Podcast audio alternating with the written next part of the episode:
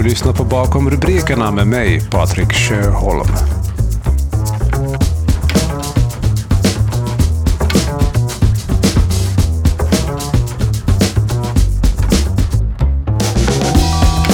Onsdag den 27 april och du lyssnar på nyhetspodden Bakom rubrikerna där vi idag ska uppmärksamma småbarnspedagogiken i Vasa.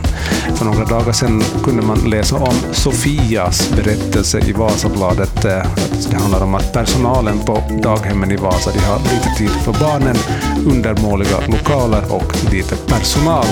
Det här ska vi diskutera mera om med Vasabladets reporter Ida Eriksson idag.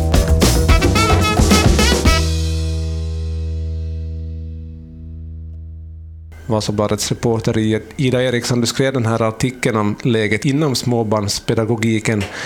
Är det så här det ser ut på daghemmen i Vasa just nu? Eh, det finns nästan 40 daghem i Vasa, så förstås kan man inte dra alla daghem över en kam, men att det som man kan säga är att personalbristen och bristen på vikarier och gruppstorlekarna är ett problem i, i Vasa och i hela landet förstås. Mm. Kan man på något sätt peka på några orsaker hur det har blivit så här då just i, i Vasa? Ja, där måste man också nästan se på den, de nationella orsakerna och backa lite tillbaka i tiden, nästan till 2016. Då eh, genomgick småbarnspedagogiken stora förändringar. Att regeringen Sipilä ändrade då på det här relationstalet ja, mellan barn och vuxna, att då ökade från att ha varit sju barn per vuxen till åtta barn per vuxen. Mm. Och dessutom begränsades den här subjektiva rätten till dagvård. Och då blev det så att de som till exempel hade en arbetslös förälder eller, en, eller av andra orsaker var hemma, så de barnen fick högst 20 timmar dagvård per vecka. Mm. Och det var några stora förändringar, men sen dess så har det skett ännu större förändringar. Man har skärpt behörighetskraven mm. på personalen inom daghemmen. Och det är ju i och för sig bra, men det, det ställer ju sina krav. Och nu i fjol så, så gjordes nya förändringar, att man, man ändrade tillbaka det här, man slopade den här begränsningen på den subjektiva rätten och ändrade tillbaka relationstalet nu igen är då sju barn per vuxen. Och de här förändringarna är bra, men de ställer sina krav och gör att det behövs mera platser, mera personal och mera behörig personal. Mm. Och det har varit en utmaning för kommunerna att rätta sig efter de här nya buden under en relativt kort period. Mm, precis. Så man måste förstå hela den här processen några år bakåt i tiden för att få förstå varför läget är så som det är i, så idag. Är det, ja. Precis. Um, hur kan man beskriva den här arbetsbilden och arbetsbördan hos de som jobbar på, på dagis baserat på, på den här intervjuer och eventuella reaktioner du har fått i, nu i efterhand för hur, hur det är på daghemmen? Mm. På basen av de intervjuer jag har gjort så verkar det vara så att arbetsbördan är stor. Inte minst nu under pandemin när det har varit många olika restriktioner och sjukfrånvaron har ökat också lett till ännu större personalbrist. Att den här Direktören inom småbarnspedagogik i Vasa så beskrev det som att alla har behövt ge 120 procent eller mer. Och det kan man ju tänka sig vad det gör för orken, att man blir trött när man måste ge mer än vad man har att ge mm. under en lång period. Jag kommer ihåg det som du i den här artikeln du hade skrivit om, om Sofia, som hon då hette i artikeln, om att det finns knappt tid att gå på toaletten, så det beskriver ju nog liksom någonting om hur arbetsbördan ser ut under en vanlig dag. Så är det ja, att hon beskrev det verkligen som att det är en stor belastning och att det finns knappt tid att ha de här pauserna. Mm. Inte ens de här pauserna som beskrivs i kollektivavtalet, att man ska få ha en tio minuters kaffepaus eller sådär. Mm. Hon beskriver det att man, man är i barngruppen, man behövs i barngruppen hela tiden. Och att det, är en, um, det tar på orken och att just den här Sofia i artikeln, då hon känner sig jättetrött efter en arbetsdag, vill inte träffa någon och hon, hon beskriver symptom på stress och utmattning. Och mm. det, det tär på psyket att hon känner att hon inte räcker till. Mm, precis det. Hon beskrev, vi var lite inne på det, men hon beskrev att man har lite tid för barnen och, och att de liksom jobbar och verkar i undermåliga lokaler. Hur tar det här sig uttryck i jobbet? Mm, just det här med att de inte hinner se barnen. Att hon som jag intervjuade, så hon jobbar i en grupp med småbarn. Och, eller barn under tre år. Och, och i en sån grupp så får det vara högst tolv barn. Och fyra vuxna ska ta hand om dem. Men det kan man säkert tänka sig, alla som har erfarenhet av barn, att man, man är ansvarig för fyra små barn. Att de behöver mycket hjälp mm. och de behöver närhet och, och man har bara två händer och en famn. Och att just Sofia beskrev det här som väldigt utmanande. Att hon, hon beskrev det till och med så att hon känner att hon inte att hon sviker föräldrarna och barnen för att hon inte kan ge den vård och omsorg som hon skulle vilja ge. Mm, precis. Och det här med lokalerna så kan man ju säga att, att det är så att många av daghemsbyggnaderna i Vasa är gamla. Och de kanske inte är anpassade till dagens behov. Mm. Och det här är man medveten om inom staden och man har de senaste åren byggt nya daghem, till exempel i, i Järby. Mm. Och det kommer att byggas flera, men det här är en, en process som tar tid. Så det kommer att vara problematiskt några år till. Mm, precis. Det fanns också en, en ytterligare en artikel på samma tema där med, med stadens kommentarer. Att hur, hur ser man egentligen från stadens sida på den här problematiken? Jag tror att man är smärtsamt medveten om de här problemen ja. inom staden. Att man vet att det är så här och man gör så gott man kan för att, för att förbättra de här sakerna. Men att det har inte varit lätt för staden eller kommunerna överlag att anpassa sig efter alla de här förändringarna som har gjorts. Jag upplever att, att, man, att man tar sitt ansvar inom staden men att det finns få snabba lösningar. Mm, precis. För det är på ett sätt så är som staden då ett ett ansvar bara att förverkliga det som har bestämts på nationell nivå. Där kommer vi igen tillbaka till de där lagarna som med start 2016 och framåt. Så är det, ja. Vilka reaktioner har du fått på de här texterna? Ja, det är flera som jobbar inom daghemsbranschen som har hört av sig och tyvärr verkar det vara så att många känner igen sig i de här bristerna som beskrivs. Och många har uttryckt just att det skulle behöva vara mindre grupper för att man ska hinna, hinna med alla barnen och att det är många som känner sig trötta. Och mm. det är ju oroväckande. Ja, precis.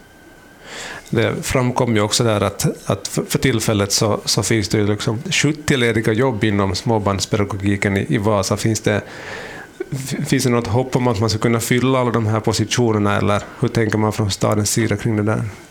Ja, det, man är väl medveten om att det kanske inte går att fylla alla de här positionerna med behörig personal, men Nej. man hoppas att det ska lösa sig ändå. Men, men sannolikheten att få behörig personal till alla de här 70 tjänsterna så är ganska liten.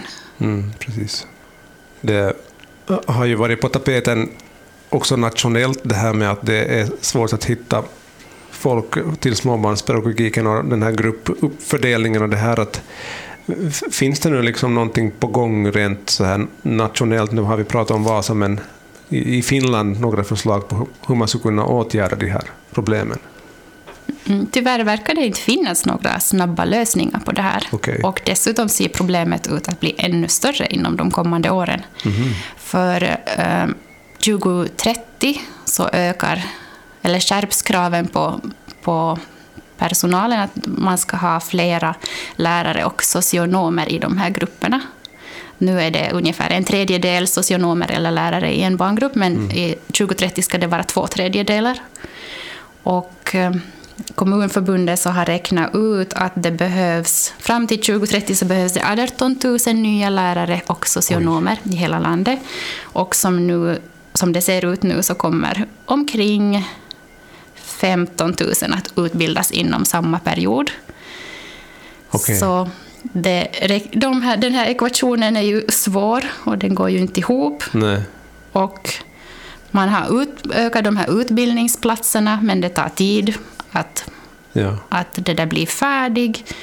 Och sen ska man ju också locka den här, de här som har utbildat sig att stanna kvar inom branschen. Mm. Och, och där är lönen ett problem. Precis. Och tyvärr har den inte ett så gott rykte just nu, den här branschen. Så även om man får personal, eller nyutbildad personal, så kommer det att vara en, en verklig utmaning inom de kommande åren. Ja, och det här är stora förändringar. Jag menar, nu kanske 2030 känns långt borta, men arbetet för att trygga den, den här fördelningen så har ju börjat redan idag egentligen. Så, ja, nya utmaningar väntar tydligen. Så är det, och dessutom så har mm, i höstas så gjorde OAJ, de här studiesektorns fackorganisation, de gjorde en, en undersökning och där visade det sig att så, många som, eller så mycket som 63 procent av lärarna inom småbarnspedagogik så övervägde att byta bransch. Oj. Så någonting måste verkligen göras för att hålla kvar de som finns redan mm. i branschen. Ja.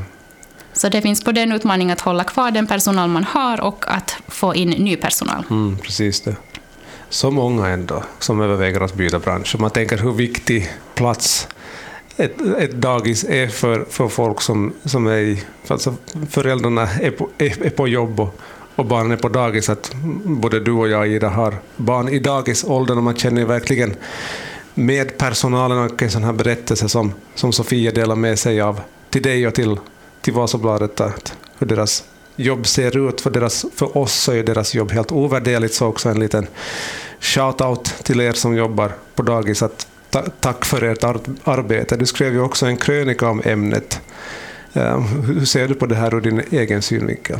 Ja, man känner verkligen med personalen på daghemmen om de, om de har det så här och jag hoppas att det inte ska behöva vara så här. Att som, som förälder så kan jag ju bara säga att man hoppas att barnen ska få vistas i en lugn och trygg miljö. Och, och i de bästa av världar så är det så, men tyvärr är det inte alltid så att det kan förverkligas. Och jag tycker att daghemspersonalen de, de jobbar jättehårt för att ta hand om våra barn. Och en av de här personerna som jag intervjuade, så hon, uttryckte att hon känner det som att daghemspersonalen är en grupp som ofta glöms bort. Mm. Att man lite tar dem för givet och det är ju jättesynd. Mm. För vi är beroende av dem också för att vi ska kunna gå till, till våra jobb och arbeta och mm. det behöver samhället också.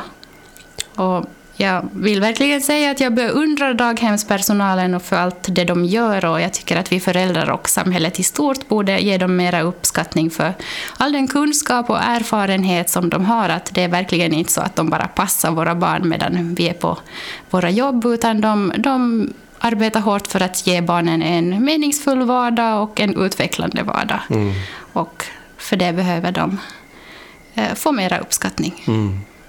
För det är någonting som är mycket, mycket större än bara någonting på det enskilda dagiset, utan det, det handlar ju om hela samhället och alla arbetsgivare och liksom det får sådana ringar på vattnet att det, det, är synd att man ska ta det för givet att, att de här platserna bara finns, men det är någonting som får samhället i stort att faktiskt rulla.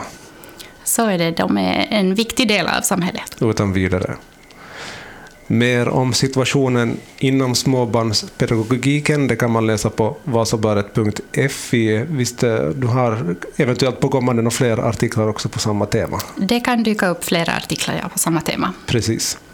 För att inte missa dem så kan jag tipsa om att man kan också följa orter på vår webbplats. Då kan man till exempel följa just Vasa för att då bli uppmärksammad om att det finns nya artiklar som på ett sätt eller annat berör just Vasa. Tusen tack ska du ha för det här, Ida. Tack ska du ha.